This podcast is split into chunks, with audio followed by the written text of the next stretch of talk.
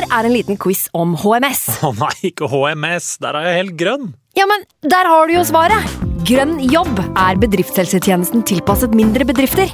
Våre HMS-eksperter hjelper mer enn 8000 bedrifter over hele Norge med alt fra lovpålagte HMS-krav til pålegg fra Arbeidstilsynet. Få på plass bedriftshelsetjeneste på grønnjobb.no.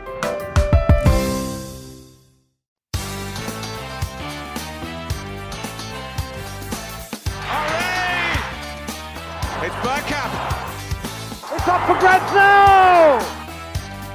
The next station is Arsenal. Hei, og velkommen skal du være til en splitter ny episode med Arsenal Station med Magnus Johansen og meg, Simen Goffeng. Arsenal har jo konkurransefri, men vi er på plass for å prestere på sedvanlig skyhøye nivå, Magnus. Ja, du legger lista, Simen. Eh, men vi har jo heldigvis en gjest som eh, kan sørge for at vi kanskje legger litt høyere i dag enn det vi pleier. Eh, Jeg vet ikke om vi skal avsløre det allerede nå, Simen? De som Vi hører på, vet det vel allerede. Litt til, gjør vi ikke det? Skal, skal vi gjøre det? I den grad vi kan kalle det når du allerede har offentliggjort det på Twitter og Facebook, men, eh, men vi, Ja, er- vi holder på den. ja, vi gjør det. Um, Men det er jo som du sier, det er jo en spesialepisode dette her. Det må vi jo ikke være i tvil om. Men Det er det. jeg tenker at før vi introduserer han, så må vi jo nevne at eh, The Gunners Post, uh, medlemsbladet som man får seks ganger i året, uh, hvis du er medlem av Arsenal Norway, da, vel å merke, er jo på vei ut i postkassene i det ganske land i disse dager. Og vi har jo fått en sniktitt, Magnus, med tanke på at vi nå har et samarbeid med Arsenal Norway. Du har kost deg litt allerede, vet jeg. Hva er det vi kan få lese om denne gangen?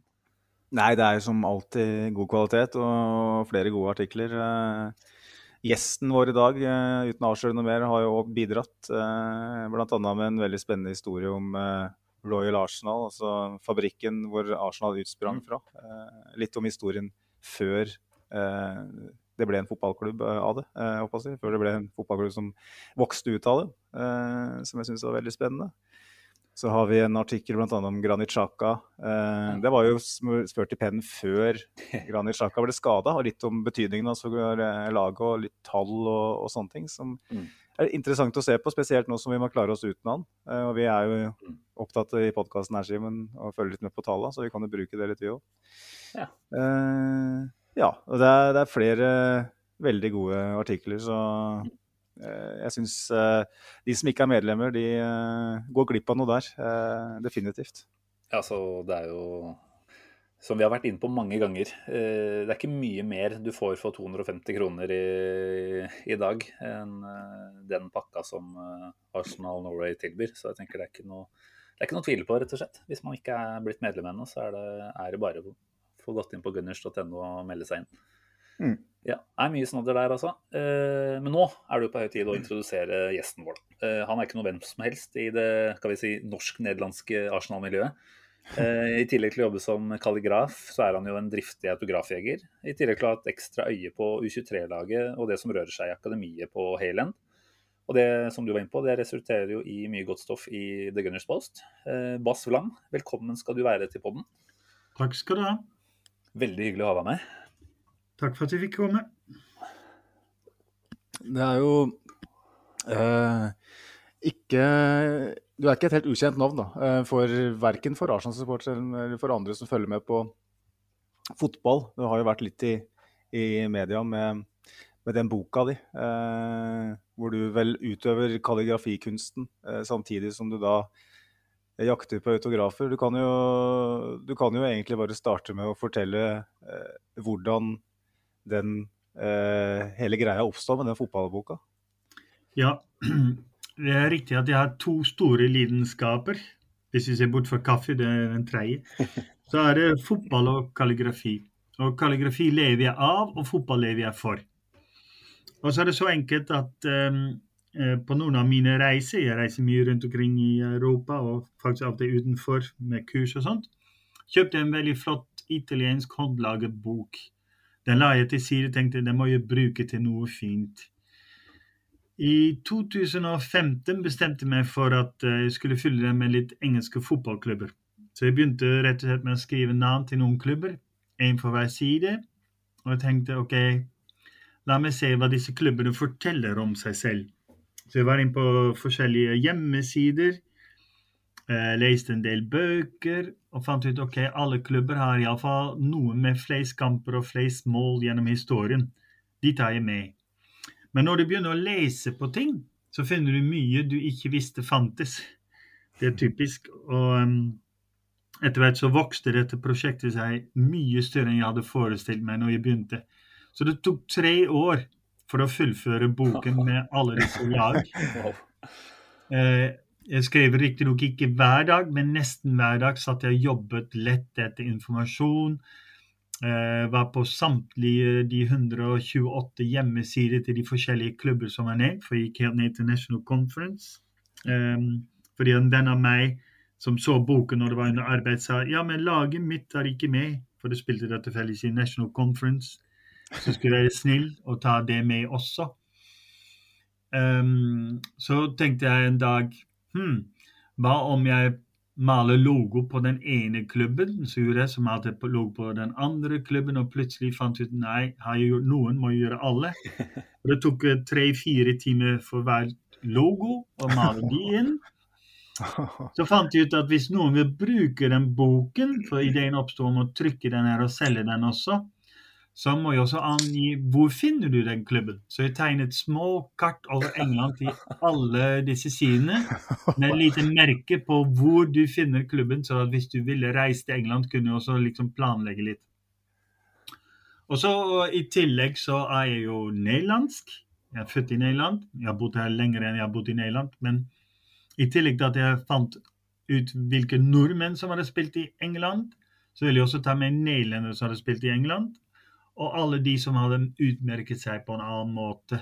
Um, ja, Som eksempel for Erik Cantona det ene året i Leeds, eller Jørgen Klinsmann når han virkelig slo til i England. Altså folk som hadde utmerket seg. Men generelt så er det først og fremst de som har vært lenge i en klubb, de som har en rekord, har gjort noe helt utenom det vanlige, eller er norske.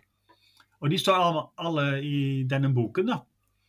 Men så etter tre år Jeg ble aldri helt ferdig, jeg skriver nesten hver uke litt i den igjen. Um, tenkte hva gjør jeg nå? Jeg vet ikke om noen av lytterne har modelltog, men det er akkurat det samme. Å bygge modelltogbane er veldig gøy, men deretter liksom Hva gjør jeg nå? Og det hadde jeg òg. Hva skal jeg gjøre nå, når så boken er ferdig? Mm. Og det er ikke bokstavelig talt ferdig, men iallfall ferdig på det øyeblikket. Hmm, hva om jeg leter etter noen som står her og spør om de vil signere der de står, altså på den siden de står. Mm. Og Førstemann jeg møtte, det var Klaus Lundekvam. En som for meg er noe av det største som Norge har sendt til England. Mm. Jeg beundrer ham veldig, og ikke minst for det han har greit å få til i ettertid å komme seg ut av igjen. Mm. Han er en, eh, det er sikkert lov å si, en god venn av meg. Og Klaus var den første til å signere. Og så tenkte jeg ja, ja, kan en så stor legende signere, så er det sikkert noen andre. Og da begynte det. Og per i dag er det da eh, 638 eh, spillere som er signert i boken min. Det er Det er jo helt rått. Altså. Jeg tenker eh, Dette er et tre som vokser mot himmelen, og som får stadig flere eh, greiner. Er det sånn at du, at du på en måte har kommet litt i, i, i mål nå? Eh, selvfølgelig, det er jo alltid sånn signaturer å, å jage, men eh, kan det utvikle seg til noe enda mer nå? Du, ser du enden på det, på en måte? Nei, altså Jeg har alltid sagt at eh, det virkelig, virkelig målet er minst én signatur på hver side. Og det er noen klubber jeg ikke har møtt noen av ennå. Og så har jeg noen helter jeg gjerne skulle ha møtt. Eh, Dennis Bergkamp står øverst på min liste. Ja, det er Jeg tror dere er enige der. Og han er eh, noe av det vanskeligste å få tak i. Mm. Eh, jeg har også noen eh, store legender som Tony Adams som for lengst har sagt ja, men korona gjorde at avtalen vår gikk i vasken, så da må jo begynne forfra igjen. Ja, jeg har mange som jeg har avtale med. Og så kommer det jo stadig vekk nye navn. Jeg oppdaterer jo boken hele tiden. Faktisk også den jeg selger, blir oppdatert hele tiden. Så jeg skriver ofte en halvtime ekstra i alle bøker jeg selger også. Mm. Um, jeg tror at enten greier jeg å få til én signatur på hver side, pluss Dennis Bergkamp, eller kona sier at nei, nå, gamle far, får du legge boken fra deg. Nå må du velge. ja, det er jo et helt rått prosjekt du har bitt deg ut på her, da. Det må jeg jo si at du har jo fått utrolig mye kule opplevelser og helt sikkert gjennom alt det arbeidet. Altså, det spørsmålet får jeg veldig ofte. Eh, dere er jo selv fotballelskere og har sikkert reist en del og vært litt her og der.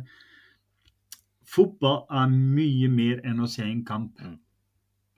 Så den som aldri har reist over og opplevd å møte kantinedame, den som serverer øl, eller den som selger ja, programbladet, den som står i parkeringsanlegget altså alle de ting utenom, og alle de hyggelige folk du kan møte og bli venner med.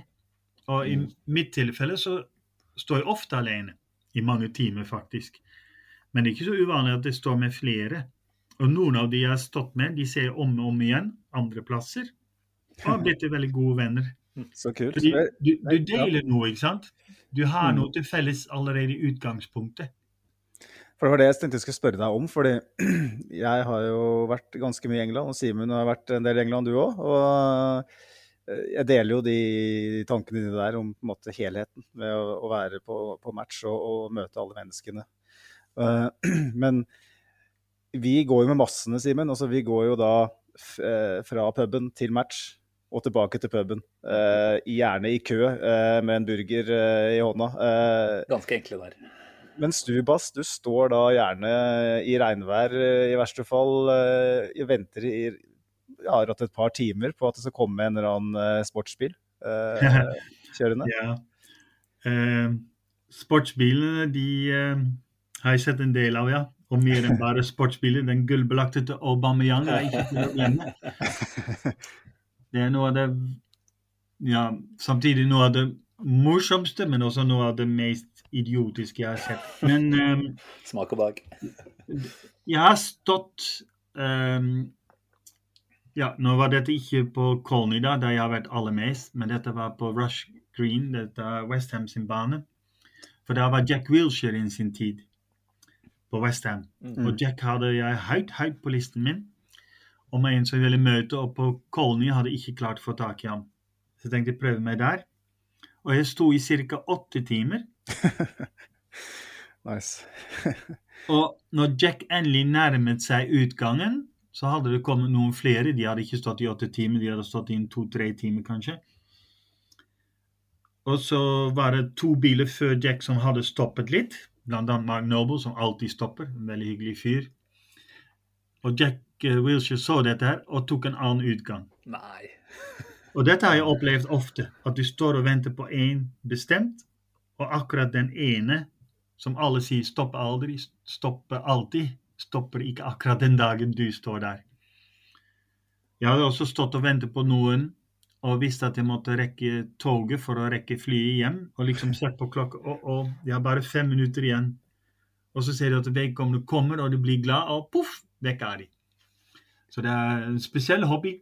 Men ja, jeg står ofte alene, men jeg står ofte noen ganger med to eller tre andre. Og noen av de har blitt eh, veldig, veldig gode venner.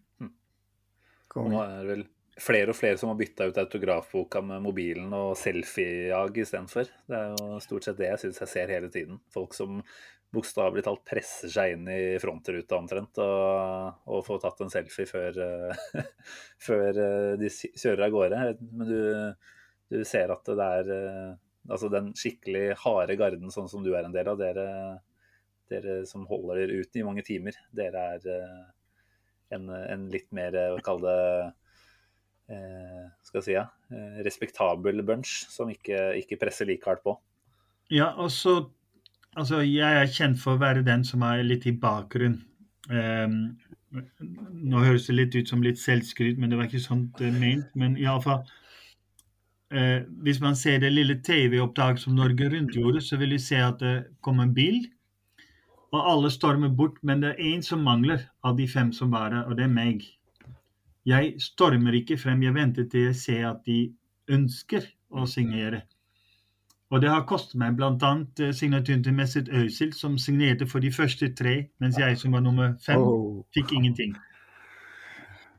Og, og, og ehm, likevel så tror jeg det lønner seg, for i fotballmiljøet, hvis du kan si det på den måten, så er jeg blitt kjent for en som er ordentlig og ikke maser, ikke presser på, Så det er mange fotballspillere som faktisk har lagt merke til det, og ja, av den grunn sier til andre 'han der må du gå til, for han', osv. Så Så det lønner seg kanskje i lengden, tross ja, alt. ja, ikke sant. Da mister man en ødsel, men så henter man inn ganske mye ålreit allikevel. Ja. Nei, det er jo en skikkelig feel good-stemning jeg sitter med her nå, eller følelse jeg sitter med her nå, Magnus. Her, eh, man får for det første lyst til å reise over og, og bare være en del av eh, det området rundt både stadion og, og treningsområdene. Men eh, at det, var, eh, at det var så mye tid eh, bak dette her, det, det må jeg si at jeg var overrasket over, Bast. Det er imponerende, altså. Ja, og så har jo i TGB, som dere var inne på her innledningsvis, eh, skrevet en artikkel for det bladet tilbake om hvordan du kommer deg til Colny med tog og buss. Altså på billigst mulig måte. Du kan jo ta en drosje, men det koster forferdelig mye penger. Og eh, hvordan du skal te deg, og hva du skal gjøre osv. for å stå der og vente. For alle klubbene trener mellom halv elleve og tolv. Det er standard. Så du må være der før halv elleve, sånn fra ca. klokka ni om morgenen. Og du må holde ut til ca. klokka to når den siste går sånn halv to-to. Mm. Og fra ni til to da kan du regne ut selv hvor mange timer er. Da trenger du litt vann og litt drikke. Så det er også en viktig del av den lidenskapen. Være forberedt. Smør, smør niste. smør niste, ha drikke med og ja, trekk pusten. Jeg kjenner jo jeg blir eh, altså, sånn, En sånn lidenskap. Jeg blir jo fascinert. Og jeg òg er drømmer jo om å møte spillere. Jeg, jeg husker jo en gang når Robert Pires signerte bøker eller hva det var, på eh, The Armory, altså supportershoppen på Emirates.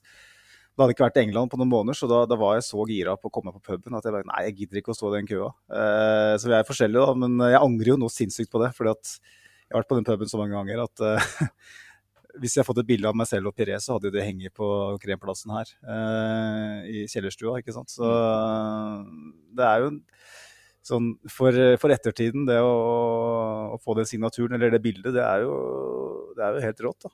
Um, Kan jeg komme med et lite tips, da? For Robert Pires er jo en ambassadør. Mm. Alle ambassadører i alle klubber er litt lettere å få tak i. Men du må gå til rette inngangen, eller utgangen, ettersom du sier det.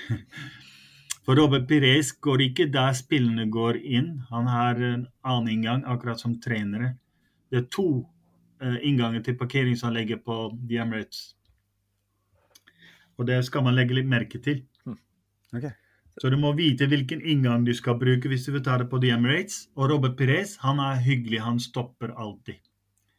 Men den gangen han signerte for meg, så hadde han kjørt vekk. Jeg står ved et trafikklys, for der stopper alle. De må jo stoppe, om de vil eller ei. Og han hadde kjørt forbi, og man står jo der i litt sånn tussmørke, stirrer alle biler som kommer forbi. Og så tenkte jeg, men er ikke det Så jeg løp bort i den trafikkaoset som var siden alle andre hadde latt det gå forbi, tenkte jeg kanskje jeg tar feil. Men han ble veldig glad over å ha blitt kjent igjen, naturligvis, av meg. Signerte. Og så kom alle andre løypen, men så ble det grønt, og det var det. Da, da stakk jeg. Det er Da var det Robert å- Pires. Jeg så, så det var et bilde av dere også ute, var det ikke det? Som lå på Ja, hjemmesida? Uh, jeg har møtt ham eh, enda en gang på Colony, eh, Ja. altså London Colony, der Arsenal har sitt treningssenter, som hvis noen er veldig gira på signaturer, er som ja, vanligvis et bedre sted å møte opp på enn Emirates. For der er de veldig, veldig beskyttet og veldig vanskelig å få tak i. De færreste stopper. Men uh, London Colney, da møtte jeg Robert Perez enda en gang. Og da fikk jeg tatt det bildet jeg ikke fikk i første omgang. Ja, Men som sagt, han er mulig å få tak i. Bare spør meg neste gang du er her, skal jeg ordne det. Ja, det hadde vært helt nydelig. Da. Han er jo, han er jo topp tre for meg og men jeg er som deg, Bergkamp. Eh, troner alene på toppen, ganske langt foran de andre. Men eh, spørre deg da, Bass, før vi går videre til eh, neste segment i programmet. Du har jo fått mange store spillere på blokka på seg, eller i boka di. Hvem er den største du har eh, fått tak i? Hvis du vil ha et Arsenal-navn, eh, så er jo Jack Wilshaw, Arsene Wenger for meg de største jeg har. Men jeg har andre som ja, Altså, det er veldig, veldig vanskelig å velge, da. Fordi at um, Arsene Wenger Det er nesten som faren sjøl, ikke sant. Altså det Jeg var i den kampen han uh, å si, ble tvunget til å gå. Den siste kampen der vi hadde med Siarsen, og jeg gråt nesten. Um, så Arsen Wenger var jeg veldig kry av å møte, og da var det nærmere midnatt for han endelig kom ut etter den kampen. Uh, den kampen han signerte ikke, den siste kampen. Mens Jack Wilshere måtte jeg altså jobbe mye og lenge med å få tak i, og Jack var en av mine helter. Mm. Akkurat som Aaron Ramsey, eksempel. Uh, Steve Bold um, er jeg veldig glad i. Men hvis jeg skal bevege meg litt bort fra Arsenal, så må jeg nok si at Gordon Banks uh, er jeg veldig stolt av å ha møtt, og at han har signert. Ja, det er navn.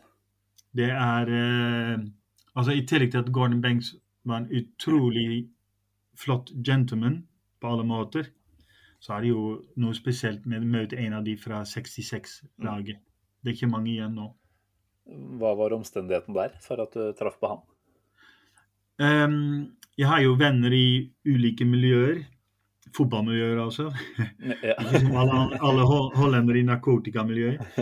Um, I fotballmiljøet. Og en god venn av meg som sammen med på Brann stadion nevnte at um, de hadde et arrangement i forbindelse med at fanklubben til Stoke City var 30 år. De skulle få noen gjester, bl.a. Gordon Banks. Om jeg var interessert i å møte opp, det var en time, halvannen herfra der jeg bor. Så da sa jeg til kona har du lyst til å se på en utstilling? Som jeg visste var i nærheten, og min kone hadde nevnt denne utstillingen. Ja, sa hun, helt overrasket over at jeg kom med det forslaget. Ja, det var kjempekoselig. Ja, da gjør vi det, sa jeg. Og så var vi på vei og sier vi skal kanskje stikke innom et annet sted litt grann først. Og da begynte hun å le. Hun trengte ikke å vite mer enn det. Men det var altså da at jeg sto eh, ja, sammen med mange andre da, Stoke-fans eh, og ventet. Og fikk da signaturen til Gordon Banks, som faktisk døde bare et halvt år etterpå. Så det er eh, Ja, det var spesielt. Det ble ekstra stort på mange måter. Det er jo et Mm. herlig paradoks at alle de timene du har brukt på andre siden av eh, dammen, eh, har på en måte måtte, måtte til, og så kommer den største av de alle da, i din bok og besøker deg i nærområdet istedenfor. Da- Ja, er ikke det rart? Ehm, jeg kan jo nevne at TV 2, som sender disse Premier League-kampene, har vært eh, veldig imøtekommende mot meg. Og i og med at eh, jeg ikke skaper problemer og holder meg litt i, på avstand, så får jeg komme til i, um, i det området der det er studio, og møte noen av disse gjestene de har. Ja. Så av og til så er jeg veldig heldig og har bare en halv times kjøretur for å få en signatur. Må riktignok stå og vente lenge, men det er verdt det. Mm. Yes. Uh, før vi går videre, Bass, så, så kan du jo, for de som ikke allerede vet det, kanskje eh, snakke litt om hvordan man får kjøpt den boka di? For du har vel noen eh, utgaver fortsatt tilgjengelig? Flere enn min kone syns om, ja. Um, det er slik at um, uh, i 2016 ble boken trykt opp sånn som den var da. I 1000 eksemplarer som er signerte og nummererte. Der folk kan få navnet sitt i og en hilsen og alt det der. I mitt kalligrafiske håndskrift. Og de er altså oppdaterte med de lag som har vunnet serie og cup siden. Og den boken kan man bestille hos meg. Det kan man gjøre ved å enten gå inn på Fotballboken på Instagram. der eh, Det heter altså rett og slett Fotballboken, min Instagram-konto. Eller eh, sende en mail til post at kalligraf.no. Og kalligraf skrives med to l-er. Det er good. Eh, Simen, skal vi eh, rett og slett hoppe litt videre, da? Uh, Vi har får bevege oss litt. Nå har vi allerede klart å bruke en, en liten halvtime på en god prat om Ja, jeg kjente skikkelig på feelgooden her jeg nå, altså. Men vi får bevege oss litt videre også, jeg er enig. Og da er det jo noe med å bruke bass til ja, det han kanskje er nest best på, da, i tillegg til å kalligrafere eller uh, hente autografer. Uh, nemlig å følge med på hva som rører seg i den litt uh, yngre rekke på, i klubben vår. Uh, det er jo mye up and coming uh, hver, hvert eneste år, egentlig.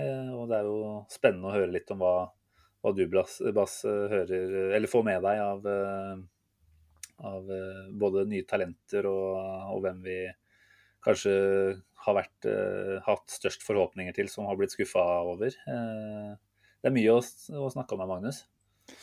Det er det definitivt. Det er vanskelig å vite hvor den skal begynne, egentlig. Men uh, vi kan jo starte uh, rett og slett med den sesongen vi er uh, inne i. Vi har, det ser jo at, at U23-laget, hvis vi starter her, har starta veldig bra og ligger på andreplass etter sju runder. Uh, Skåra mest i, i divisjonen, mens man i fjor hadde en veldig svak sesong hvor han holdt på å, å rykke ned.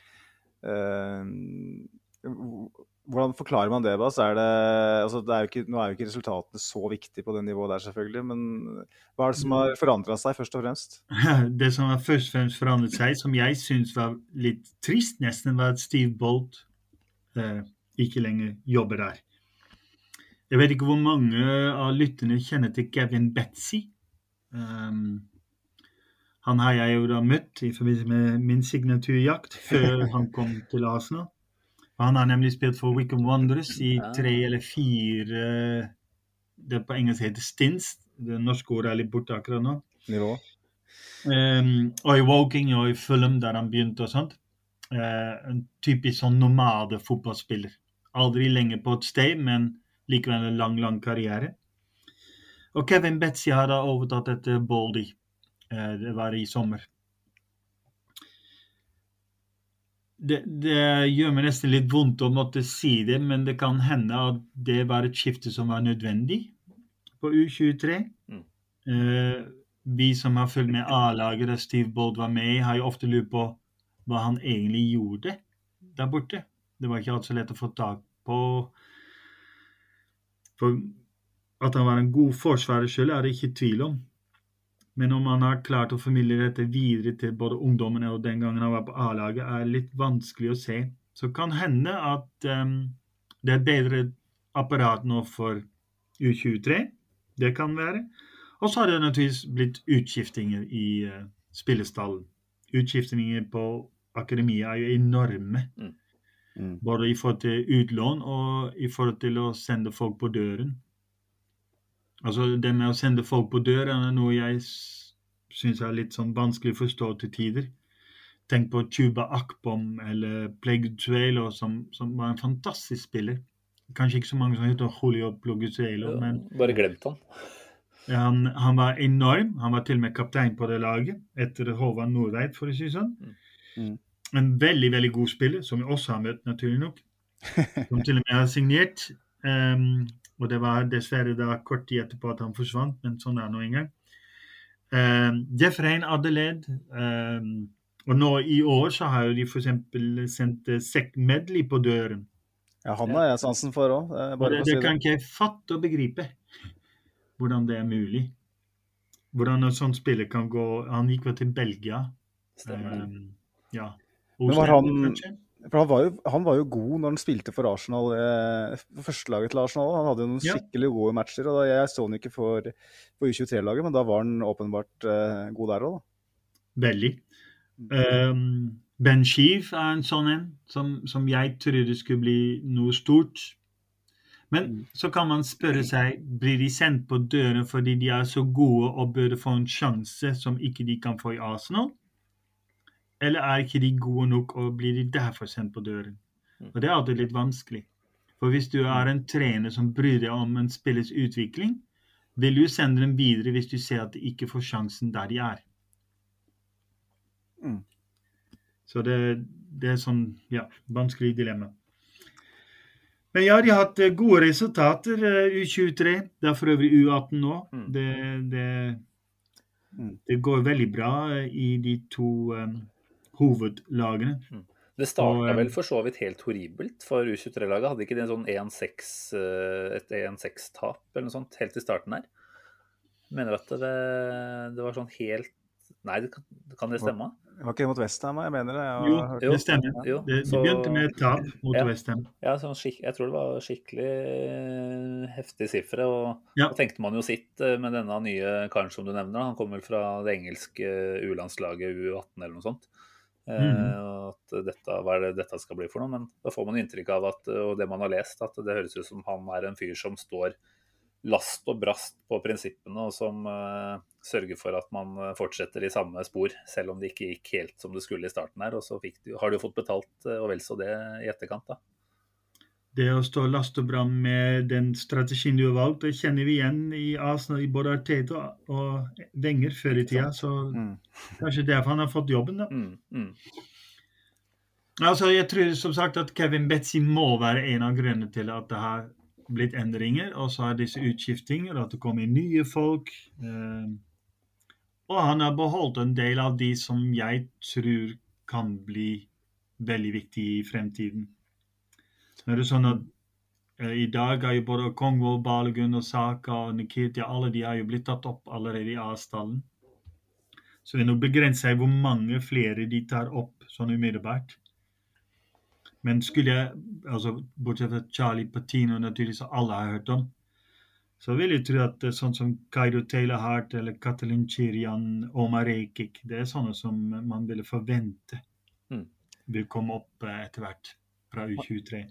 For Vi kan jo ta, ta og snakke litt om de her spillerne, Bass. Vi fleste av oss vet jo ikke så veldig mye med en annen enn det vi, vi leser på Twitter i ny og ne fra han George Bird og, og litt sånn. Eh, Kido Taylor Hart han er vel da en venstreving, er han ikke det? Og jeg Ja. så han eh, George Bird skrev at han var litt sånn overraska at han ikke jevnlig ble plukka ut til eh, aldersbestemte eh, landslag. Og jeg tenker jo at venstrekant er jo en posisjon i Arsenal, eh, hvis vi tenker på at det skal være en sånn mulighet. Du må jo se at eh, innen et par år så kanskje det er en, en plass i laget som kan være åpen. Og da jeg tenker jo hvis det er tankegangen, og det har vi sett på og Jeg husker jo Alex Våby som ikke så mange snakka om, som plutselig var en del av førstelaget fordi at det var en, en plass der. Er, er Kiddo Taylor Hart en som du ser for deg kan, kan få sjansen?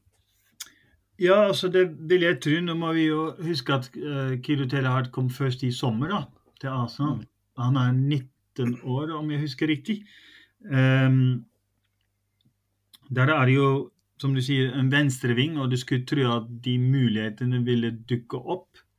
For angrepsspillere er jo ofte skadet. Mm. Men han har ikke stått på listen på, altså på stallen ennå eh, til å være med. Så eh, litt vanskelig. Han var ikke blant de som var med i Skottland, men han eh, Ja. Jeg ville tro at han er en av de Han er iallfall jeg noterer meg som en av de jeg ville forvente. Mm. En som jeg syns også er veldig veldig spennende, er Marcello Flores.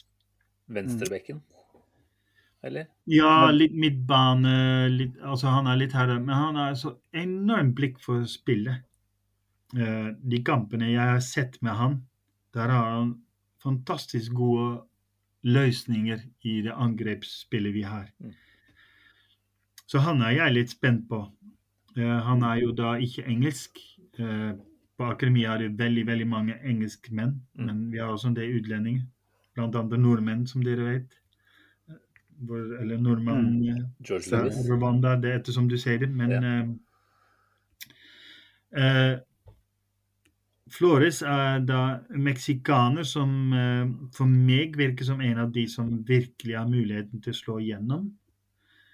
Um, er mest på midtbane, men brukes mange plasser. Mm. Men i Arsenal, i, i det spillet de har på akademiet, så beveger jo folk seg nesten overalt.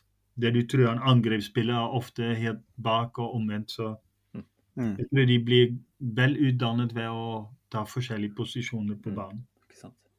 Så er det en kar ved navn Omari Hutchinson òg. Jeg så han skårte et ganske solid eh, sologoal her for noen uker tilbake. Ja. Er det en du Han, også han er med i Skottland på den Ja. der eh, Stemmer. eh, sommerturneen. Eh, Omari Hutchinson forventer jeg eh, blir tatt opp i A-stallen i, i hvert fall neste sommer. Mm. Kan ikke tenke meg at de går forbi ham enda en gang. Men i det øyeblikket han blir tatt opp i A-stallen, vil han høyst sannsynlig også bli lånt ut. For det skjer jo med enormt mange som blir tatt opp i A-stallen. Mm.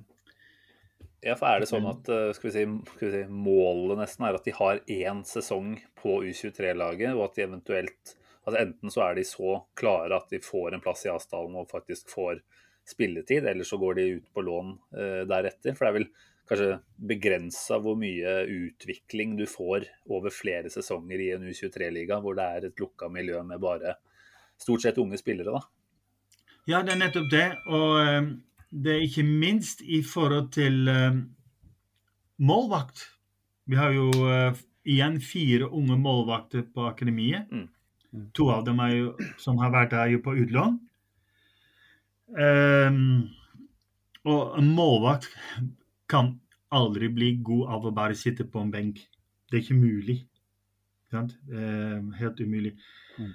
Um, for en spiller, for de fleste spillere, får nå tross alt sjanser til å spille. En målvakt kan, som bare får en halv omgang hvert halvår, kommer jo ingen vei. Så du har litt um, forskjellig der. Jeg tror at lån og eh, nå er jo Christo Perez takket være Viera et veldig typisk sted de blir lånt ut til. Eh, Blackpool har blitt brukt veldig mye. Mm. Man har gjerne kontakter med klubber som passer litt i forhold til hva Arsenal ønsker de skal oppleve. Mm. Um, Lincoln City har vært brukt også, f.eks. Doncaster Rovers har vært brukt. Sånne klubber som er litt ned, men som passer litt i forhold til det Arsenal ønsker spillerne skal oppleve. Mm. Hvordan syns du egentlig Arsenal Det er kanskje vanskelig å svare på, men uh, for mitt inntrykk er jo at det er mange klubber som er flinkere enn Arsenal til å utnytte lånemarkedet for yngre spillere. Ja, altså uh, Tyrese John Juice, for eksempel. Eh, han er vel nå Ja, han er fortsatt på lån, han, i Han er i Blackpool. Ja, Blackpool. Uh, Tyrese John Jules er jo sånn spiller som um, jeg vil tro kan nok gå på utlån et år til, men er sannsynligvis også en av de som vil få en sjanse. Vi har Daniel Ballard, um, faktisk uh, fast på det nordirske landslaget allerede. Mm. Han er vel nå i Millwall. Han har også vært i Blackpool før i tida. Mm. Uh, forsvarsklippet. Som, som sagt, når det kommer til det nordiske landslaget, kanskje ikke det verdenseliten, men det sier litt om kvaliteten likevel. Ja, nei, må bare beklage. Um, Jeg glemte jo det mest åpenbare navnet av alle, han Miguel Assis. Uh, Ja, Miguel, han er i Pompi. Eh, Ja. Så, Eh, eh, Pompey eller Portsmouth, ja. Altså, Miguel har jo vist at han eh, vet hvor målet står, og også veldig kreativ. Mm. En spiller vi må tro kommer tilbake til oss som en bedre spiller. Ja, det er jo Han ble jo nevnt som eh, en potensiell eh, backup midtbane i våres, eh, før utlånet ble klart. Så jeg tenker så, så tynt besatt som jeg er på midten nå, så hadde han blitt i klubben, så hadde det kanskje bydd seg en mulighet òg. Men uh, jeg tenker jo at League One, uh, det er, det er god skole, det. Uh, med tanke på, på engelsk fotball. Hva slags Altså vi har jo mange spillere som på en måte Miguel Estis er en av dem, som har, blitt, har hørt om en god stund, da, men som det Ja, noen av det blir stille rundt. da. Jeg tenker spesielt på han rumensk teknikeren. tekniker. Ja, Chirian. Eller ja, altså, det uttales, det tør jeg ikke uttale meg om. Men Sirian eller Chirian, jeg vet ikke hvordan man gjør det på rumensk. Nei, nettopp. Eh, altså han, han- når han kom til klubben, så var det en svær sak på, på Arsenal.com. og Åpenbart at man hadde funnet en spiller som eh, hva skal jeg si, ja, man ikke bare trodde, men forventa at skulle bli en, en, en, en bra spiller. Han har blitt 19 år nå. Er det, er det først og fremst skadeproblemer som gjør at det har blitt litt stillere rundt den? Ja, det her du en av de tingene som eh, kan ødelegge for disse unge spillere. De får en sjanse, men når da de blir skadet, så kan det hende at de aldri får den andre sjansen sin. Og jeg, kan jeg bare nevne at jeg lurer meg litt på om det er problemet til George Lewis for øyeblikket. Han Mm. trener jo for fullt til å komme seg tilbake etter enda en skade. Mm. Uh, han var jo frisk på slutten av fjoråret, men fikk en ny skade. Og, og det er veldig vanskelig å komme inn når så mange gjør det så godt. Og, og da og da er det enda større steg å komme opp til A-laget. Da tror jeg du skal både være heldig og være til rett sted til rett tid og alt det der. Så ja, Sirjan er en av de som dessverre pga. skade sliter litt med å komme hele veien opp, ja. Mm. Det kan virke sånn. Men vi har jo en til som jeg hadde trodd skulle bli stort. Nicolai Müller. Ja. Han Vår svenske venn. Han havnet i Tyskland. eh, langt ned i et sted. Um, Stemmer det. Det var vel noe nivå tre. eh, eller noe sånt. Divisjon eller noe sånt i, Ja. i eh, Tyskland. Stemmer. Køllen, er det ikke det? Victoria. Ja, Køllen, Det var det, ja. Stemmer det. Stemmer. Köln. Victoria Køllen. Ikke den store FC, men Victoria Køllen. Um, og han òg var jeg sikker på skulle slå til. Så det, det er veldig vanskelig å si at den og den skal bli det. For Saka hadde blitt nevnt av sine medspillere til alle rundt klubben i noen år allerede. Akkurat som nå Charlie Patino blir nevnt som den eneste man skal se opp for. Mm. Den nye Wilshere, Mm. sier de ofte. Men, men, men det er mange som går litt sånn, ja Ingen legger merke til de, de blir ikke hørt om. Og så plutselig en dag så har de bare forsvunnet fra klubben. Mm. Og, og spiller kanskje da i League One, League Two, eller gir opp fotballen. Mm.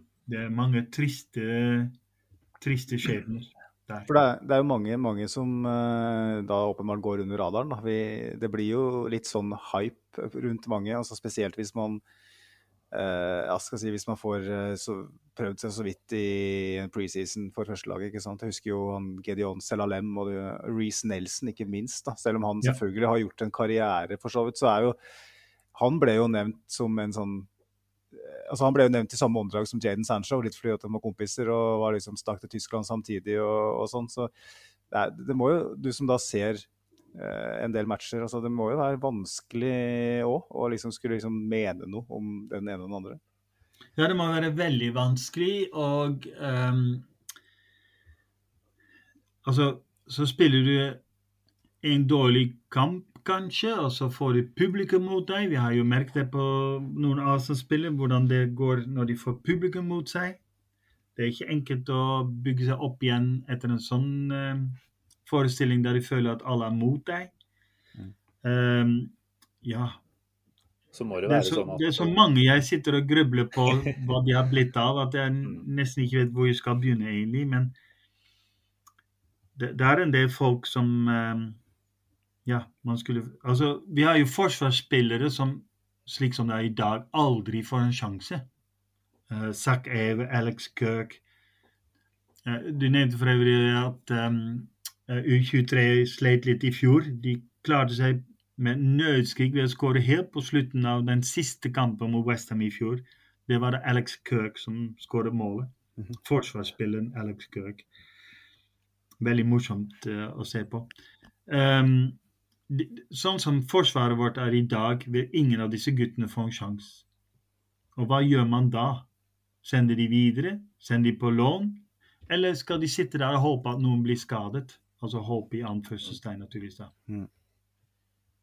Ja, nei, det er et godt poeng, det. Det er, eh, sånn som vi har snakka litt om, at, eh, at det må på en måte åpenbare seg en eller annen mulighet. Det må være en, eh, en vei inn.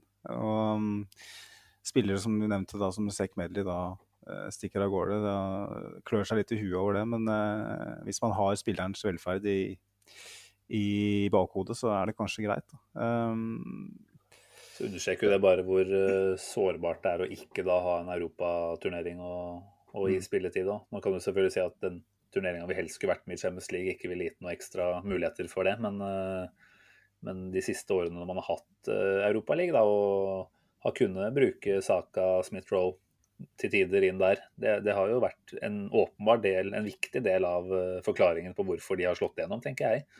Det kunne de selvfølgelig klart uansett, Mm. men, eh, men det er klart den den, eh, jeg, jeg satt jo og jubla egentlig for at vi slapp den uh, tredjerangs uh, europaturneringen i år, men eh, det ville jo vært et utstillingsvindu og en arena for en del av disse unggutta her potensielt. da.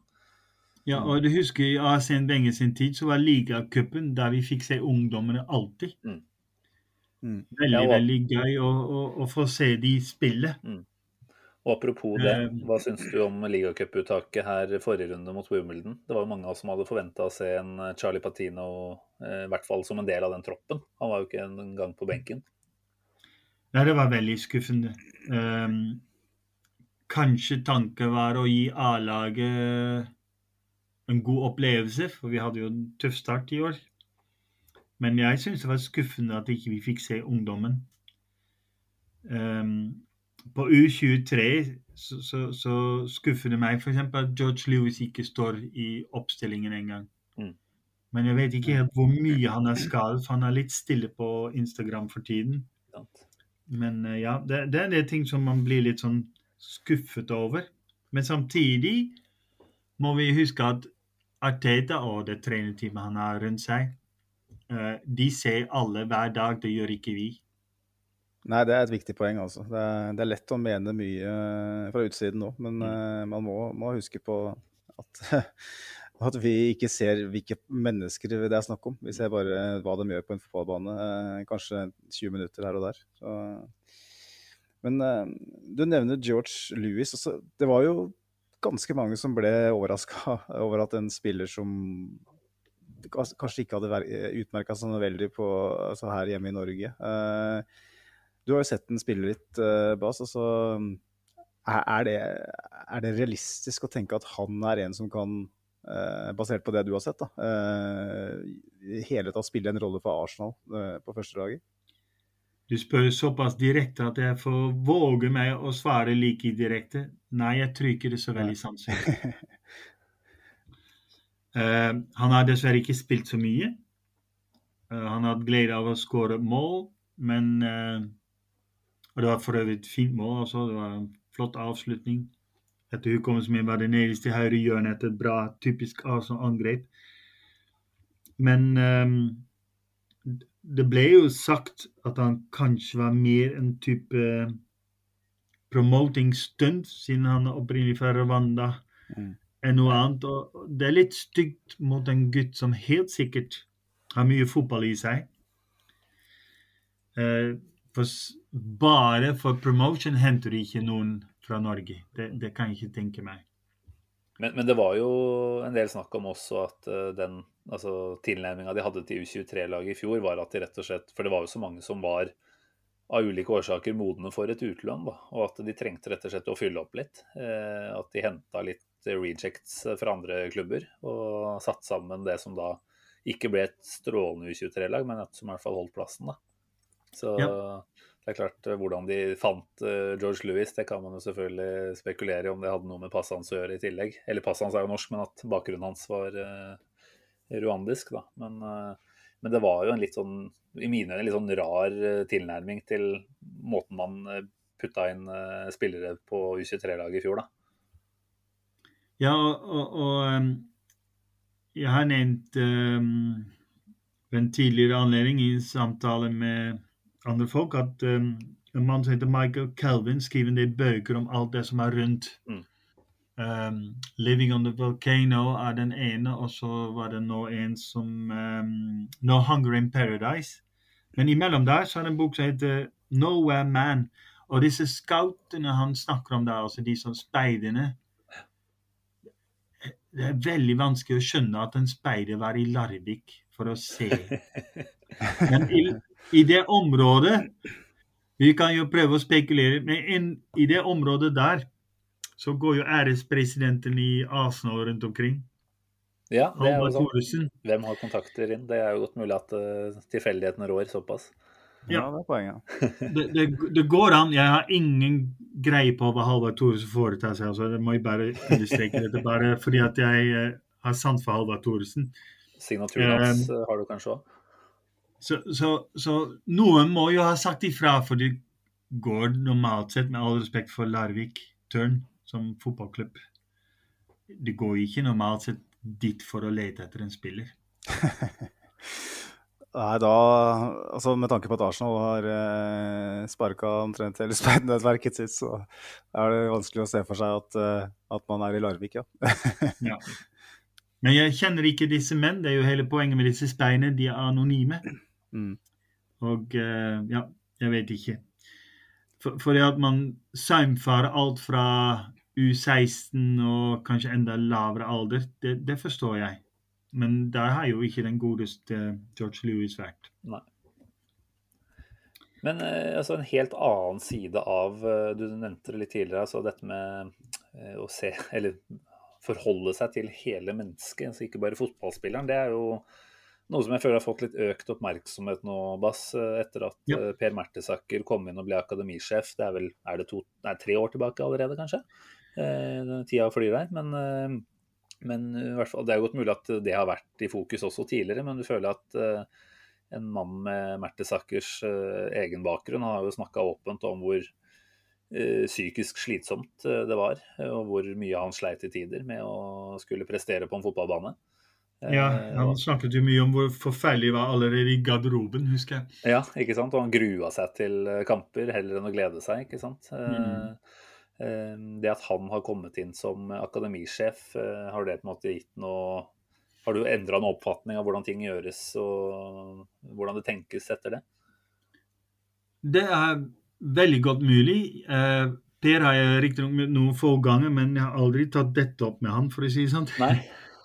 Jeg har nemlig glede av å kunne snakke tysk, så Per og jeg har snakket litt. Eh, men han er veldig åpen og ærlig, som du sier, om akkurat disse problemene. Og jeg vil tro at det uansett setter spor, Mm. også for ungdommene, at der er en mann som har opplevd og ikke minst oppnådd så mye, Mm. som tør si at han har syntes dette var vanskelig, Mm. at han har slitt. Det må jo være et fantastisk forbilde. Ja, det må være At det er lov å si at 'her sliter jeg'. ikke sant. Ja, for, At det må være viktig. Og hvis jeg kan hoppe inn med noe som minner meg litt der, så har vi jo en som har slitt veldig i det siste. En tidligere Arsenal-spiller som har kommet tilbake.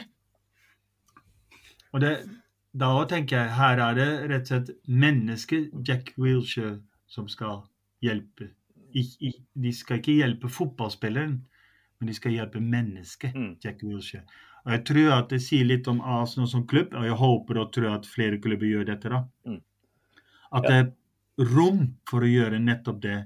Tenke menneske. mm. ja, fordi, Fordi eh, ja, det er utrolig mange ungdommer som aldri når frem. Og hvis de da i tillegg hadde blitt bare kastet uten å ta hensyn Mm. til mennesket, da hadde vi hatt mange tunge, tunge skjebner. 100 Og det vet man jo, at den toppidrettskulturen der, den, den legger opp til mange nedturer. Eh, og det er eh, klart, man hører jo stadig vekk om de som ender opp med store, store problemer i form av spiseforstyrrelser eller eh, ja, store angst- og depresjonsproblemer, som ikke rett og slett er i stand til å ta inn over seg den nedturen det ofte blir. da. Eh, og når, ja, det er vel gjerne en prosent kanskje bare som eh, faktisk lykkes i i toppfotballen, eh, eller i hvert fall i Arsenal, og ikke mange i, i Premier League f.eks. Så Nei. Det er ikke mange fra disse forskjellige akademier som virkelig når toppen. Og det, det vanskelige må jo være at de er kanskje to-tre skritt unna de enorme summer. Mm. Og, og den forventningen om å få de enorme summer, og så da ikke nå det, og så havne ned på hvor det kanskje fremdeles har penger nok til å leve av, men likevel ikke Mm. i samme grad som i Premier League. Mm. I League One, League Two, kanskje tilbake til sitt opprinnelige hjemland, Mm. som vi har opplevd at noen har måttet gå gjennom.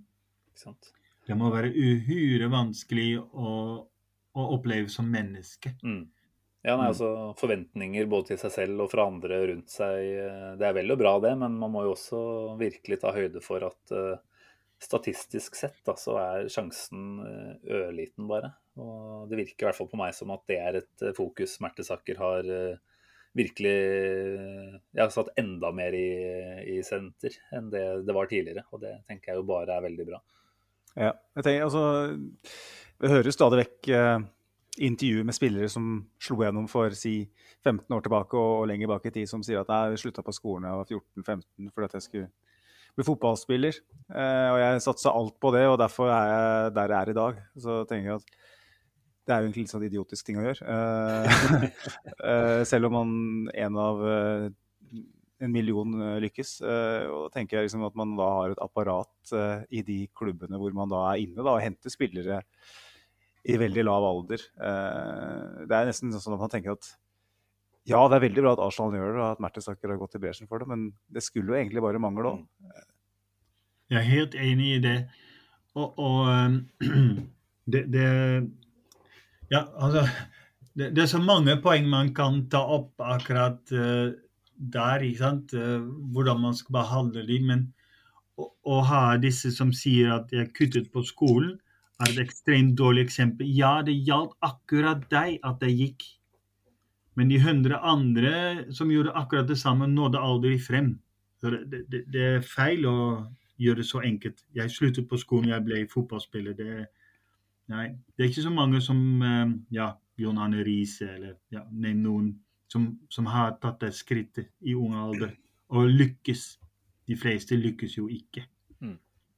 Så ja, det må vi ikke glemme. Så sitter man igjen med sånn ultimat stjerneeksempel, tenker jeg, da, med Saka, som både da er etter alle solmerker en, eh, en, ekstremt ydmyk og veloppdragen og oppegående fyr. Eh, det var vel mye snakk om at han også presterte på topp eh, på alt av skole ved siden av. I tillegg til at han har blitt den spilleren her, da. Så det er, klart, det er jo det er noe med at det er fint å få fram gode spillere, men du vil jo også gjerne at de er gode representanter for klubben og har med seg gode verdier og faktisk kan stå der i en intervjusituasjon etter kamp og og du kan ikke anerkjenne til at ja, dette her eh, er en fyr jeg er stolt av at representerer klubben. Eh, der du selvfølgelig også har de som lar suksessen gå kjapt i hodet på en og blir litt for høy på seg selv. Eh, mm. Så virker det som om det også er et ja, sånn gjennomgående ting for de man får frem. At det er veldig oppegående og, og godt tenkende gutter. Jeg husker jeg hørte på den poden hvor Mertesaker var rest her forleden, The Beautiful Game. Eh, og han sa jo litt om at de hadde jo stadig vekk eh, eh, andre altså psykologer eller kommunikatør eller hva det skulle være inne og rett og slett lærte opp og holdt litt foredrag og sørga for at man rett og slett utvikler alle sider av, av spillerne, ikke bare fotballspilleren. Mm. Og Saka fikk jo høre under EM var så godt likt av alle de andre på det engelske landslaget. Mm. mm. Så det må være noe mer med den gutten enn at han er god i fotball. ja, han er spesiell, han er. 100%. Det kan det ikke være tvil om. Men, men, eh, men du har mange eksempler på at det er tilfeldighetenes spill. Um, det gikk en ung gutt på Arsenal Akademiet som var bare ni år, som de syntes var litt lubben, som ble sendt på døren. Og uh, nå spiller han da for det andre laget i Nord-London. Ja, ja, det har alle sett. Så, han forbannet seg på nei, jeg skal. Så mm. Han gjorde det motsatte av det noen gjør. Han ga ikke opp, han bare tok seg ekstra mye sammen. Og nå uh, kan vi ikke si annet enn at Harry Kane er en av de beste angrepsspillere i England, så tja. nei, vi må jo faktisk kunne innrømme det. Såpass eh, store må vi være. Men, eh, men, altså Hale End, som jo da på en måte Nå er jo Mertesaker både sjef for Akademiet og U23. eller Du kan vel egentlig si at alt det henger sammen. Det ble jo en real eh, oppgradering der. for omtrent, ja, Det var vel omtrent samtidig som at han kom inn. Eh, vi kan ta Ivan Gazidis på mye, men at han var med å initiere den eh, oppgraderinga der, da, det, det, må vi jo en skryt for. Det ble jo investert en 50 millioner pund eh, i å bygge ut baner og pusse opp og gjøre det enda mer eh, egna for eh, å drive utvikling. Da. Eh, tenker du at man på en måte kan se på Hale End som et av de virkelige store akademiene i internasjonal fotball, eller er det, er det sånn at vi fortsatt må akseptere at det er en del andre som er betraktelig større? Um, det er nok noen som, om ikke enda større, så er minst like store og så kanskje ha enda større suksess. Um, men det er helt klart at det er uh, blitt et akademi som mange ser etter. Måten det er bygd opp på, som du var inne på, den, de investeringene de har gjort. Uh, alle disse banene, hvordan det blir fulgt opp. Så ja, det har blitt nok et eksempel for mange, også i England. Mm. Men det er mange akademi i England som også kjører veldig godt. Mm. Som leverer kanskje enda oftere talenter. Eh, Southampton, f.eks. Ja, ikke minst. Um, jeg skulle si Chelsea, dessverre òg. De, de Chelsea har... begynner òg å virkelig uh, slå seg litt løs. Manchester-klubbene har naturligvis sine områder. Mm. Det er et mye større område å ta av uansett, kanskje. Um, eller så tror jeg vi må helst vel bort til Spania for å finne de virkelig, virkelig store mm. akademier. er Men det får vi la ligge den Uh. Ja, for så vidt sant. Eh, Men, eh, men med tanke på at Mertesaker og Arteta har et så De har jo tett eh, samarbeid, og de, jo, de kommer til klubben samtidig og virker å komme veldig godt overens på det personlige plan også. Er det sånn at du ser for deg at den relasjonen gjør at det kan bli enklere å få opp spillere, eller har det ikke noe å si nødvendigvis? Hvis du skal få spillere opp fra et akademi til eh, et A-lag, så må du jo ha gode linjer mellom den som leder akademiet og A-lagstrener. Nå velger jeg å tro at de linjer er der uansett hvem som er der. For det ville forundre meg om ikke man hadde kontakt. Og jeg håper og tror at Arteta dukker opp der fra tid til annen og seg sjøl også. Mm. Um, jeg vet at Wenger gjorde det. Jeg har ikke sett Arteta der uh, sjøl ennå, men jeg vil tro at eh, han dukker opp av og til. Husker jo, bare for å avbryte her, husker jo alle det eh, videoklippet hvor Wilshere skårer på U18-laget, er det vel eh, en av de første kampene her, hvor han bender ballen eh, opp i krysset, og Wenger sitter og skikkelig koseglisser på tribunen. Mm. Eh, det var liksom et bud om hva som var i vente der. Ja, altså Men, men, men uh, Mertesak og Arteta er gode venner. Og kanskje vi må putte Edu i den samme potten også. uh, som han, selv om han er av en litt eldre årgang. De er alle sammen veldig, veldig opptatt av Arsenal. Jeg hører jo noen ganger folk si at Arteta må vekk, ikke sant, for Arteta ut, uh, elendig ditt og datt. Men Arteta bryr seg virkelig om Arsenal. Mm. Og det tror jeg er viktig at en trener virkelig bryr seg. Vi får aldri en Wenger igjen som gir hele livet sitt. Men uh, jeg tror for øyeblikket iallfall at Teta er en mann som virkelig bryr seg, og dermed også vil videreføre de gode uh, verdier som vi har i Asen. Så er det vel en gunstig tid for akademiet med tanke på å uh, komme nærmere et A-lag òg, når, når det åpenbart har blitt staka ut en kurs som handler om at uh, man skal bygge noe for fremtida, kontra det å hente inn på å si Mkhitaryan og William-typer eh, som skal være gode i to år, og så skal de videre. Eh, det var jo ikke dem, men det er en annen sak. Eh, eh, nå er jo pga.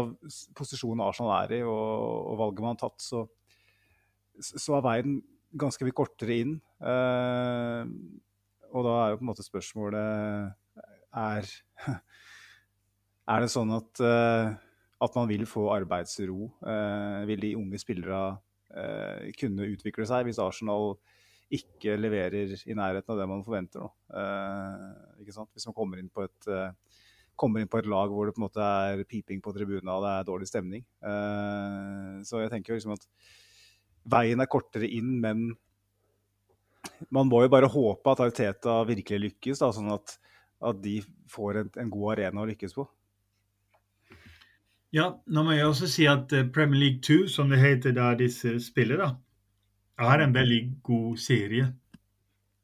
Så de får ordentlig, ordentlig matching i disse kampene. Så, så det er naturligvis aldri 60 000 på tribunen, så det samme presset er ikke der. Men ellers er kvaliteten på kampene veldig høy i Premier League 2, der altså U23 spiller. Eh, Det vil òg ha mye å si, ikke sant? At, at selve eh, Hva skal man si Kamptreningen, kampsatsing er på et høyt, høyt nivå, og ikke bare en reservelagskamp mot et forferdelig svak motstand. For det er det jo ikke i Premier League 2. Mm. Så det òg hjelper veldig. Um, og så, som du sier, hvis Arteta lykkes, vil hele klubben egentlig bli dratt med i den suksessen. Mm. Og det gjelder også akademiet. Stemmer. Um, Simen, er det er det flere spørsmål du sitter med rundt uh, akademiet her? Jeg har fått svar på veldig mye her, Ja, egentlig. Har vi snakka Godt fornøyd. Har vi snakka nok om Charlie Patino? Det er jo spørsmålet, da, for jeg føler at Mm. de alle vet jo mye om han. Men uh, det er jo når vi har en Jo, nei, konto om men, akademiet, så er det feil å, kanskje, å ikke snakke om han i det hele tatt. Ja, det vil jeg si. Eh, og vi vet jo at han øh, Altså, veien til en mulig plass i troppen burde jo ikke være kjempelang, da, med tanke på at man nå har en Chaka-skade. Det er to karer som skal til African Cup of Nations i januar. det er ikke så godt stilt på den midtbanen, faktisk. hva er det du tenker om han, Bass? Tenker du at han er klar for Vi var jo for så vidt enige om at han burde vært uh, eh, kasta inn på et eller annet vis i ligacupen, men hvor, hvor, nærme, eller hvor langt unna tenker du han er å kunne faktisk uh, holde nivået i Premier League? Ja, det er det vanskelig. Vi vet ikke om han har nivået til Premier League. Vi vet han er god, det har han bevist. Og Derfor hadde det vært så kjekt om han fikk spilt en mindre viktig kamp, sånn som vi hadde med ligakampene. Um, han er ikke langt unna. Det er uten tvil et skikkelig talent. Men hvor tidlig skal et talent bli kastet for løvene og mislykkes, og deretter få seg en så kraftig knekk at han ikke kommer seg lett opp igjen? Så du har alltid disse problemstillingene med skal vi ta talentet og la han prøve seg, så går det feil, hva gjør vi da? Går det bra, så er det jo ingenting i veien med at han fikk prøve seg. Men hvis det går dårlig, så, så kan det bety en alvorlig knekk i mm. utviklingen. Mm. Og det er, jo, ja, nei, det er jo noe med tidspunkt og omstendighetene når du kaster ja. den inn. Altså er det, er det, et lag som funker, og du har de beste medspillerne, og du kan få et uh, lite innhopp uh, og på en måte bygge det opp derfra, så er det noe én ting. Men hvis du plutselig står og nesten må sette inn lit til at en 17-åring skal komme inn og ta over når alle andre er borte, da, da høres det jo ut som man gir altfor mye pes til en. da. Ja, og um, Charlie Patino, altså unektelig en kjempegod spiller. Men han blir altså ofte omtalt som new Jack Wilshere. Og um, vi husker jo at Jack var mye skadet pga. sin spillestil. Mm. Mm. Hvis Charlie Patino har um, han har ikke den samme enorme aggressivitet som Jack Wilshere har når det gjaldt forsvarsarbeid, jage motstandere og sånt. Han har den samme kreativiteten til Jack Wilshere. Så hvis Charlie Patino eh, skal virkelig blomstre, trenger han egentlig en mann som Granit Xhaka i sitt nærområde eller parti, eller en av de som tar stauten. Mm. Og eh, ja, jeg vet ikke. For meg kunne han spilt i morgen. Altså ikke bokstavelig talt, men så fort som mulig. For jeg ville gjerne sett hvordan det gikk. For det gikk jo bra med Saka når han kom. Det går an å, å tørre. Men husk at sånn som Saka sto allerede på eh, listen, altså på spillestallisten, for fire år siden. Spilte ikke. Mm. Så det er en um, det er en vanskelig avveielse, vil jeg tro, for alle i Arsenal mm. når et talent skal spille. Det blir alltid sagt Are you good enough? Are you old enough? Mm. Det spilte ingen rolle om du var gammel nok, bare du var god nok. Mm. Vanskelig uh, å si, men uh, jeg ville ha sett ham spille. Mm. Jeg kan bare si det. Mer enn det jeg vil ikke si fra min side. Kanskje jeg tror Charlie Patino var godt nok. Ja. Kanskje var det som var greia med at han ikke ble putta på på Wimbledon-kampen òg. At de rett og slett frykta at han skulle blomstre og være for god, og at eh, det da blir blitt sånn massekrav om at han skal inn i Premier League hver eneste uke heretter. Nei da, jeg tror ikke det var det, altså. Men uh... Ja, at, at, du ville være snill med Wimbledon, da? Ja, ikke sant. ja. Ah, kakk, kakk. Ja. ja. Nå har du jo for så vidt nevnt uh, Jack Wilshere et par ganger, Bass. Uh, ja. Det er jo for så vidt det mest aktuelle i dag.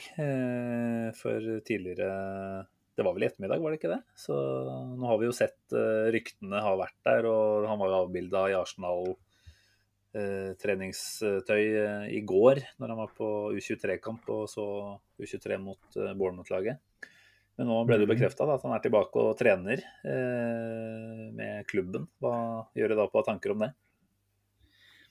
Som jeg var inne på tidligere, så tror jeg at her snakker vi om mennesker, Wilshere, ikke så mye fotballspiller. Selv om Arteta sier at de vil få ham så frisk som mulig.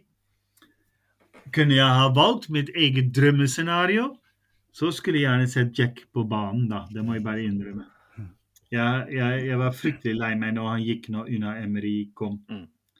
Uh, Emery mente jo at han ikke ville få spille så mye, og, og han valgte da å gå. Mm. Og gikk jo til en klubb han aldri ble lykkelig, kan man vel si. Mm. Um, om det skjer, er litt vanskeligere å gjette seg til. Men det har hendt før at folk kom tilbake til klubben for å trene og viste seg å holde et såpass godt nivå etter en stund at de fikk plass på lag. Sol Campbell gjorde det, f.eks. for eksempel. Mm. Og det husker jeg veldig godt. Det var som en bombe når han kom tilbake og plutselig var på lag igjen. Så um, velkommen skal du være, Jack, sier jeg bare. Si det gjerne. Jeg har savnet deg lenge. Det var jo, det var jo litt sånn, sånn eh, digresjon, da, men det var jo noe Wenger ble beskyldt for å være veldig sta på, det å hente spillere tilbake. Men i løpet av de siste åra så var det ganske mange som kom tilbake, og, eh, altså med unntak av Flamini, som ble henta som en, en, eh, en, hva skal jeg si, en fullblodt spiller, så var det jo både Lehmann og Campbell og Henry som, som var tilbake. Så det, det er jo det handler jo om hva han gjør på treningsfeltet der. Mm. Uh, vi er så tynt besatt på midten nå uten Granit Sjaka uh, at uh, vi snakker om en Wilshere som, som etter sigende da ikke får kontrakt noe som helst sted. Eh, da tenker jeg at han hadde sikkert fått spille i League One hvis han hadde hatt lyst til det, men det er ingen klubber i Premier League eller kanskje toppsjiktet championship som var villige til å ta sjansen på han. Så hvis Arsenal banker i bordet og sier at pay you play eh, ut sesongen for et utstillingsvindu det har vært for han, ikke sant? Så Mm. det sier seg selv at, at sjansen er jo definitivt der hvis han eh, altså, Det er så lite å tape på det for Arsenal, da, at eh, sjansen er der. Ja. Han koster jo ingenting. Han koster ingenting, og som du sier Hvis han får betalt for om han spiller, ikke sant, en kamp eller to, eller hvordan de ordner dette økonomisk, det har jeg ikke peiling på. Um, da, da, da vil det jo være utrolig spennende. Men tenk hvilken boost det gir til laget å ha en sånn mann tilbake. fordi at vi må jo kunne såpass ærlig å si at det er ikke så veldig mange for øyeblikket i Arsenal som har et hjerte for Arsenal, sånn som Jack har hatt i sine år. Vi, vi har veldig få fra nærområdet. Saka er naturligvis fra nærområdet, men uh, ja, ellers må du lete blant de ungdommene som Arthur Kongo, Tyrese John Juice, de er fra London. Men uh, ja, Emil Smith-Rowe kan kanskje kalles lokalt, for så vidt. Mm.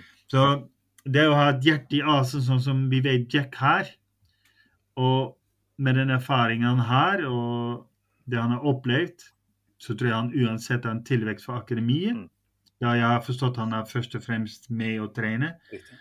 Hvis han da er med å trene med A-laget, som jeg forventer han å gjøre etter hvert også Vi så jo bilde av det i dag, at han hadde ja, vært med på ja, det ser du. Jeg, jeg har vært så opptatt i dag, jeg har ikke sett noe som Nei, helst. i- så han har allerede vært involvert der òg. Ja, det ser du. Mm. Da, da vil jeg tro at uh, det rett og slett kjekt for alle.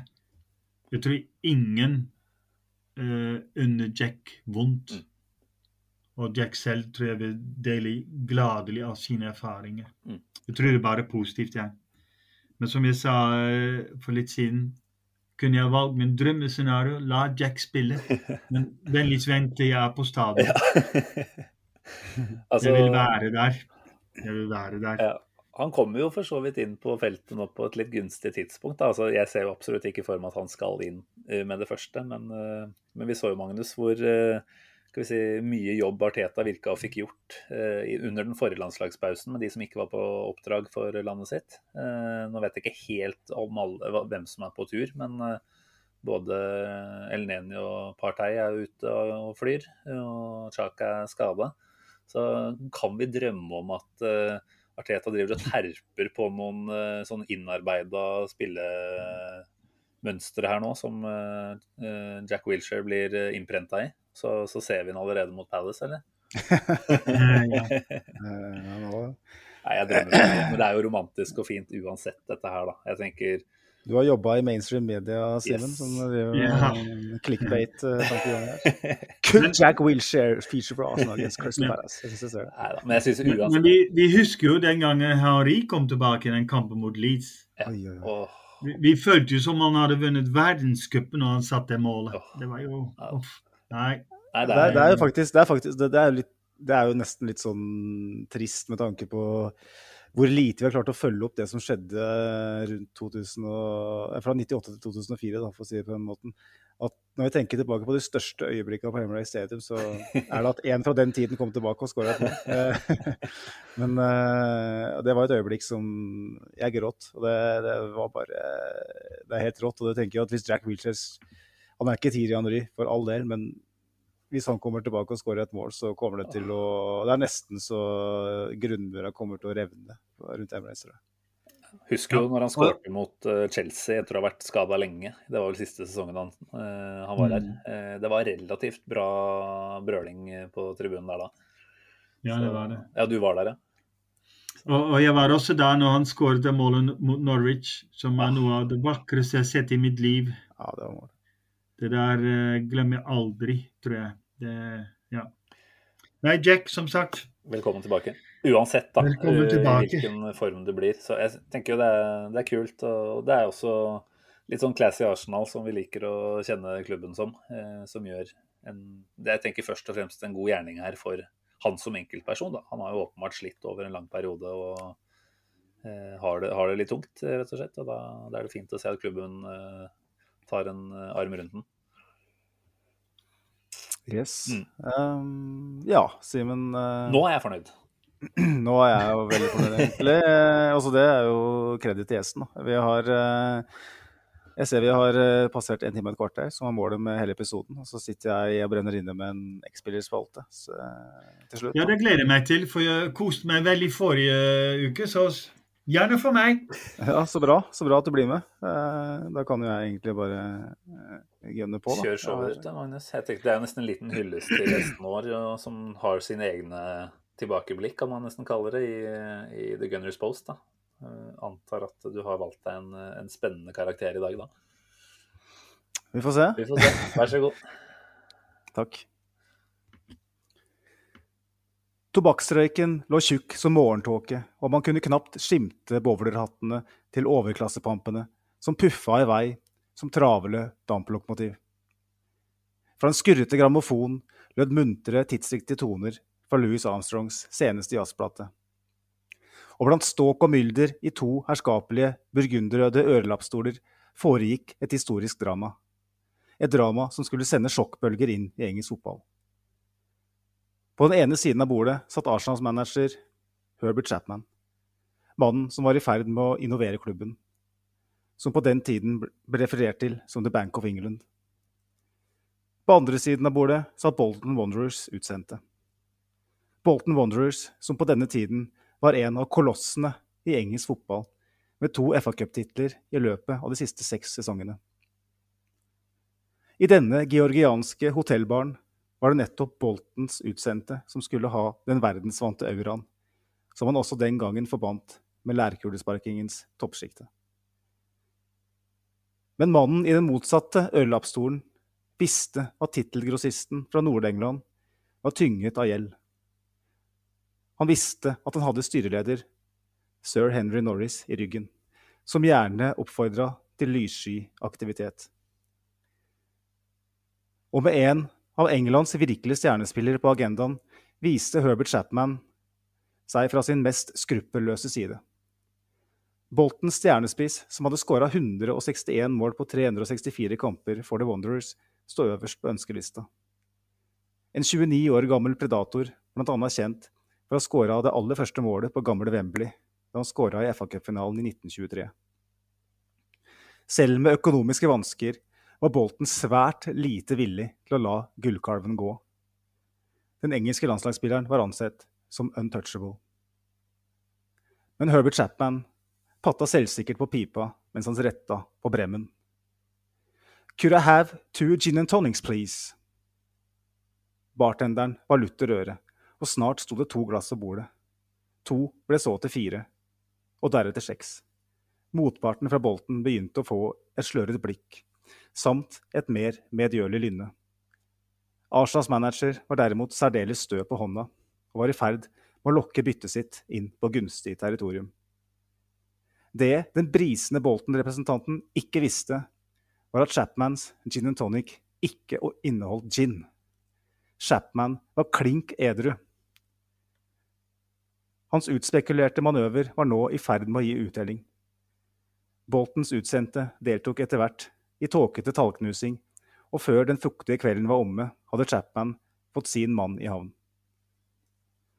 En sommerdag i 1928 knuste dermed Arsenal den britiske overgangsrekorden, og den nye skarpskytteren ble den første spilleren som noensinne ble kjøpt for et femsifra beløp. For om lag 10 000 pund hadde Arsenal sikra seg en av øyrikets aller største stjerner. Styreleder Charles Clegg i Fotballforbundet rykka raskt ut og fordømte handelen. No footballer is worth that kind of money. Høres det kjent ut? Vel, 20-tallets Neymar mer enn dobla den gamle overgangsrekorden, og det fikk åpenbart mye oppmerksomhet. Dog var det nok få ytterligere likhetstrekk å spore. Bermuda-shorts og vaselindynka sleik står seg ikke helt mot brasilianerens ekstravaganza. Men på banen leverte rekordsigneringen som bare rakkeren. Chapman var ikke sen om å proklamere at nyervervelsen var et kupp. En superstjerne på billigsalg. I hans første sesong i N5 noterte han seg for 25 fulltreffere på 31 kamper, og ble med det klubbens toppskårer. At Arsenal endte helt nede på niendeplass, gjør prestasjonen kanskje enda mer imponerende. Den påfølgende sesongen endte klubben helt nede på 14.-plass, og vi kan jo tenke oss hvordan det hadde vært om sosiale medier eksisterte på den tida. Hylla ville nok uansett dagens X-spiller blitt, da han fortsatte å bøtte inn mål. Blant annet skåra han kampens eneste mål mot Hull City i FA-cupens semifinale, da klubben sikra seg en finalebillett på Wembley. I finalen ble Huddersfield beseira 2-0, og Arsenal Football Club sikra seg dermed sin, sitt aller første trofé noensinne. Det skulle også bli starten på et særdeles gullkanta tiår, hvor dagens X-spiller ga klubben med å vinne tre ligatitler. Den første, som kom allerede i 1930-31-sesongen, var særlig influert av rekordsigneringen. Med 34 fulltreffere noterte han seg for karrierebeste, men ble faktisk slått av Jack Lambert, som skåra hele 39 ganger. Dette Arsenal-laget hadde også storskårere som Cliff Bastin, Joe Hulm og Jimmy Brain, samt at Ted Drake skulle ankomme noen år senere. Av de ti som troner øverst på oversikten over antall skåringer for The Gunners gjennom alle tider, spilte fem av dem på det gylne 30-tallet. Man kan jo bare ane hvilke forventninger de hadde, de som vandra langs Gillespie Road på vei til Highbury på en lørdag formiddag på 1930-tallet. Dagens X-spiller skal sågar ha vært en attraksjon i seg selv. Han var en av de beste angrepsspillerne jeg har sett. Hans enorme kroppsbeherskelse sørga for at han kunne vende opp hvor som helst, og han hadde i tillegg et vanvittig skudd. Han terroriserte ethvert forsvar. Det skrev angrepskollega Cliff Bastin i sin selvbiografi. Hans herjinger skulle fortsette frem til 1934, da han som 33-åring ikke lenger hadde fysikken til å fortsette. Med etter hvert kjente jubelscener på Highbury-matta kunne han feire sitt og klubbens tredje ligatrofé, mens man også sørga over Herbert Chapman, som dessverre gikk bort i januar samme år. Dagens X-spiller takka av med imponerende 124 skåringer på 208 kamper, noe som gjør han noe som gjør at han ligger på tiendeplass på Arsenals toppskårerliste gjennom tidene. Det faktum at han ankom klubben i en alder av 29 med, et svulstig, en svulstig prislapp og dertilhørende forventningspress, gjør det enda mer imponerende. Med et målsnitt på 0,6 per kamp er han på nivå med Thierry Henry og så vidt bak Ian Wright. Han er også med i en svært eksklusiv klubb bestående av ham, Jimmy Greaves og Alan Shearer. Hva har de til felles? spør du. Vel, de er de eneste tre spillerne som har skåra mer enn 100 ligamål for to forskjellige klubber i den engelske toppdivisjonen. Dagens X-spiller er dermed ikke bare en legende i Arsenal-sammenheng, men også i engelsk fotball. Herbert Chapmans skruppelløse oppførsel i den georgianske hotellbaren i 1928 ga oss David Bone Nightingale Jack. En overgangsrekord som skulle stå i et helt tiår en statement-signering som skulle hjelpe Arsenal på veien til å bli en betydelig maktfaktor i engelsk fotball. Takk, David Jack. Ja, dette her var en uh, fin uh, runde, Magnus. Nå må jeg jo si at jeg nok en gang kommer ganske tynt besatt til bordet med lite uh, egenkunnskap, men får jo servert alt som man trenger å vite om David Jack, og for så vidt enda mer av den gylne perioden i, i, klubbens historie. Jeg regner med at du sitter og koser deg her også, Bass? Ja, og for meg er det jo litt motsatt. da, fordi Herbert Chapman og Bolton gjorde at jeg umiddelbart tenkte på David Jack som jeg også har skrevet om i TGP. Han var jo en helt spesiell spiller, og som uh, du var inne på her, veldig stor, men ikke i høyde. Uh, en ganske liten mann egentlig, som led av litt revmatisme og hadde ulltøy under sin lange, lange shorts. Hør her, da. Det er jo helt nydelig å ha med noen som kan komme med sånne fakta. uh, David Jack må, må, ha vært Altså, Um, når jeg blir spurt om de største i Arsenal, så passer jeg på at vi nevner noen av de tilbake i tid, som Alex James og David Jack og alle disse her. Det er jo noen der. Cliff Bastin kan man ikke gå forbi, osv. Så, um, så ja, en fantastisk uh, spiller. Skikkelig uh, Det må det ha vært. Mm. Vi fikk aldri se det, vi, men uh, tallenes tale er klar nok. Mm. Jeg må bare si da at uh, bare for å ha det på det rene, da, den uh, introen der hvor jeg snakker om den uh, hotellbaren, så er det litt dramatisert for min del for å prøve å, prøve å mm. skildre litt sånn hva, hva 30-tallet var, da. Mm. eller 20-tallet for så vidt var det. Jeg, jeg, jeg, kan jo ikke vite um, at det var Louis Armstrong som, sine plater som ble spilt sånn, men jeg prøvde liksom å skape synes det var veldig fint. Det er lov å ta noen kunstneriske friheter. Veldig fin måte å presentere på. Mm. Ja, takk. Og så vant jo Arsenal eh, vel fem ligatitler på den tida, eh, hvor da David Jack var med på tre. Eh, han forsvant jo da allerede i 1934, og da kom jo Ted Draken, som kanskje er den aller råeste målskåreren i klubbhistoria. Som hadde vel et målsnitt på Jeg har jo hatt han tidligere her, på 0,75 eller noe sånt. Det er helt uh, spinnvilt. Så det, det, var jo Det er klart det er vanskelig å sammenligne med, med dagens fotball, da, men at, at, det å gå, uh, reise til Highbury på 30-tallet, det, det, det, må jo ha vært helt rått. Oh. Ja, det må ha vært spesielt. Og du var inne på, som de ble kalt Bank of England. Herbert Chapman valgte jo bl.a. Arsenal fordi de betalte mest for å være trener. Vel, ja. Så de må ha hatt mye penger. Og du var også inne på Norris, som eh, det ryktes om at han ikke alltid helt gikk den vanlige vei.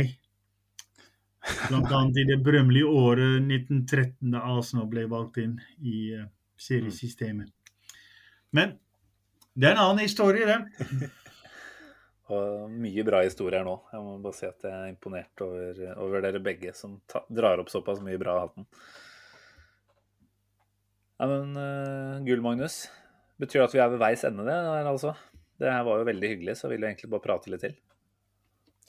Nå er vi tre minutter unna, unna en og en halv time, ser det ut som her, så da, da passer det bra å avslutte, da, Simen, så vi ikke overgår det vi har sagt som maksgrense for innspillingstid. Vi er jo forferdelig dårlige på å snakke lite. Er... La oss håpe at hvis de hører, som hører på, er like begeistret for fotball som oss, så er vi tilgitt. jeg tror... Og jeg lover å si takk for meg. i hvert fall da. Det var veldig hyggelig å være i lag med dere i kveld. Det har vært en glede å ha deg med også, Bass. Tusen hjertelig takk for at du uh, tok deg tida. Det er jo mye du bruker tid på som er fotballrelatert, så at, uh, at du også fant tid til litt podgjesting, det, det er kult. Bare hyggelig.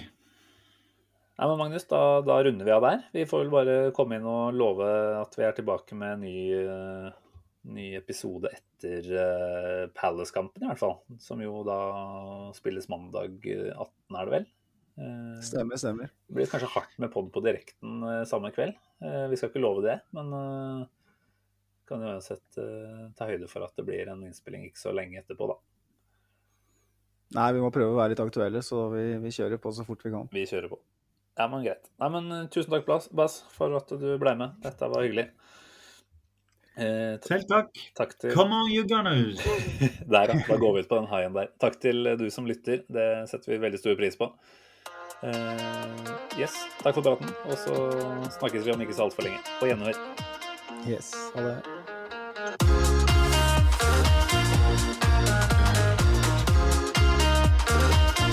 This train terminates here.